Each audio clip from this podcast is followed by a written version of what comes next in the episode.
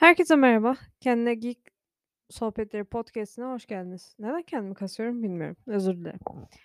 Neyse. Bugün sizlere Frambow evreninin aynısında geçen ama devam oyunu olmayan bir oyundan bahsedeceğim.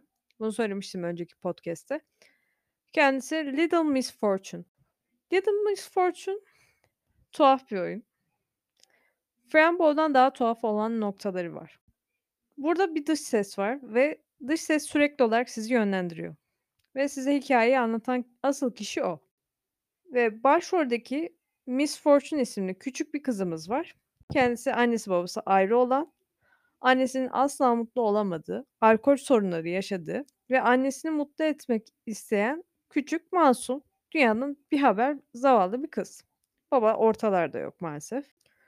Ve dış sesimiz bize şunu söylüyor. Miss Fortune hikâyesi anlatıyor falan filan. Ondan sonrasında diyor ki, bugün Miss Fortune'un öleceği gün ama o bunu bilmiyor. Bunu ona söylememeniz gerekiyor diyor. Siz şaşırıyorsunuz, nasıl ya bugün nasıl ölecek yani? Buna engel olamıyor muyuz? Neyse bunu düşünürken kendi kendinize sonrasında nasıl olacağını düşünüyorsunuz ama size açıklamıyor. Sürekli olarak dış ses Miss Fortune'la konuşuyor. Dış ses diyor ki Miss Fortune'a dış pardon, dış ses size diyor ki bugün Miss Fortune'un öleceği gün, hayatının son günü ama o bunu kesinlikle bilmemeli. Çünkü siz onu mutlak mutluluğa ulaştırıp ona büyük ödülü vermek zorundasınız. Onu birlikte ulaştıracağız diyor. Bu zavallı kızın hani son isteği gibi bir şey olsun diyor. Tamam diyoruz ve dış sesin yönlendirmeleriyle gitmeye çalışıyoruz. Onu mutlak mutluluğa eriştirmeye çalışıyoruz.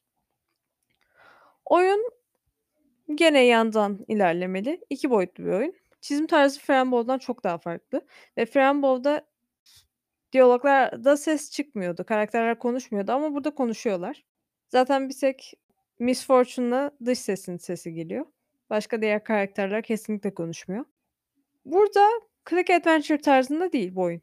Böyle tıklayarak, işte, malzemeleri kullanıp, "A, nereden gideceğiz?" falan diye düşündüğünüz bir oyun değil. Bu daha çok seçenekleri konuşmalar arasında seçeneklere karar verip öyle ilerlediğiniz bir oyun. Framebow'dan oynanabilirlik oy olarak bu açıdan farklı. Bu noktada çok farklı. Ama bence bu oynanabilirlik daha iyiymiş gibi gelse de aslında oyunu bitirdiğinizde kesinlikle bu oynanabilirliğin çok daha kötü olduğunu göreceksiniz. Çünkü bu oyun kısa. 3 saat falan sürüyor en fazla. Ve seçimleriniz neredeyse hiçbir işe yaramıyor. Sonunu anlatmayacağım ama bunu neden söyledim?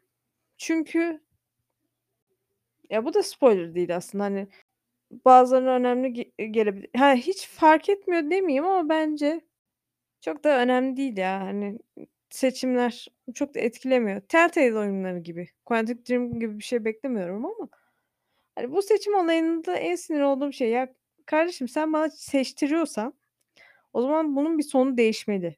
Benim seçimlerimin bir değeri olmalı. Sen bana o kadar gerilim yaşat, o kadar zamanı durdur, işte, gerilim müziklerini ekle ama sonra hiçbir şey değişmesin. Niye kastın o zaman yani neden?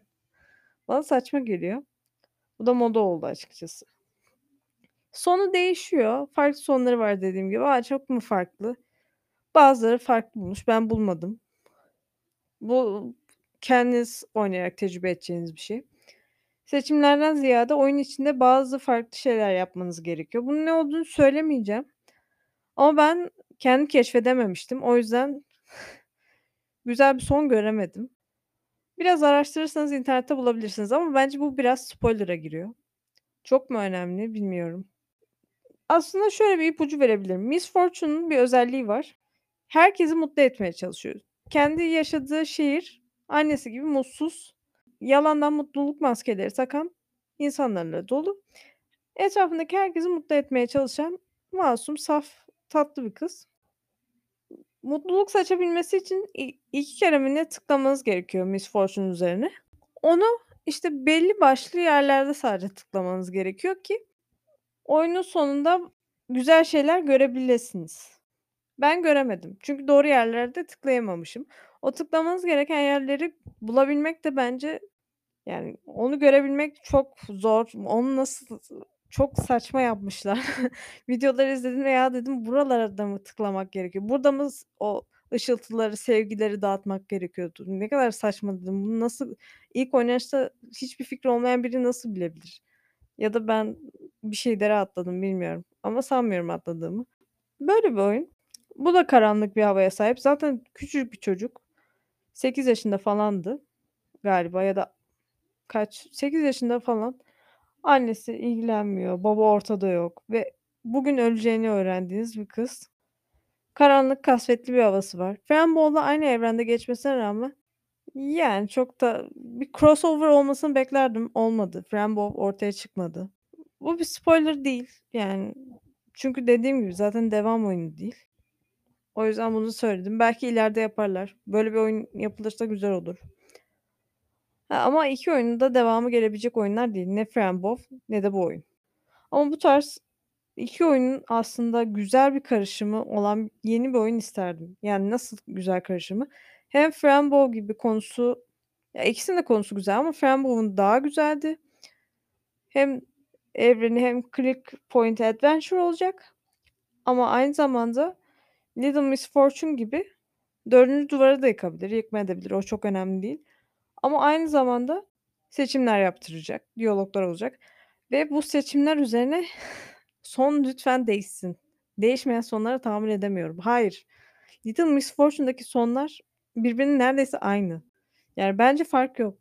Hiçbiri hiçbiri tam olarak o yaptığın seçimlerin hakkını vermiyor. Ya, neden sinirlendim ki? Yani bu sinirlenecek bir şey değil. Bilmiyorum. Böyle bir oyun. Bir ara bu 200 küsüre satılıyordu. O kadar pahalı asla değmez çünkü 3 saatlik bir oyun. Bunu göz önünde bulundurun. Ama severek oynayabileceğinizi düşündüğüm bir oyun. Bence bir göz atın indirime girdiğinde. Ben indirimdeyken almıştım. 200'e almayın. Bu podcast'te söyleyeceklerim bu kadar. Sonraki podcast'te görüşmek üzere. Şimdilik hoşça kalın.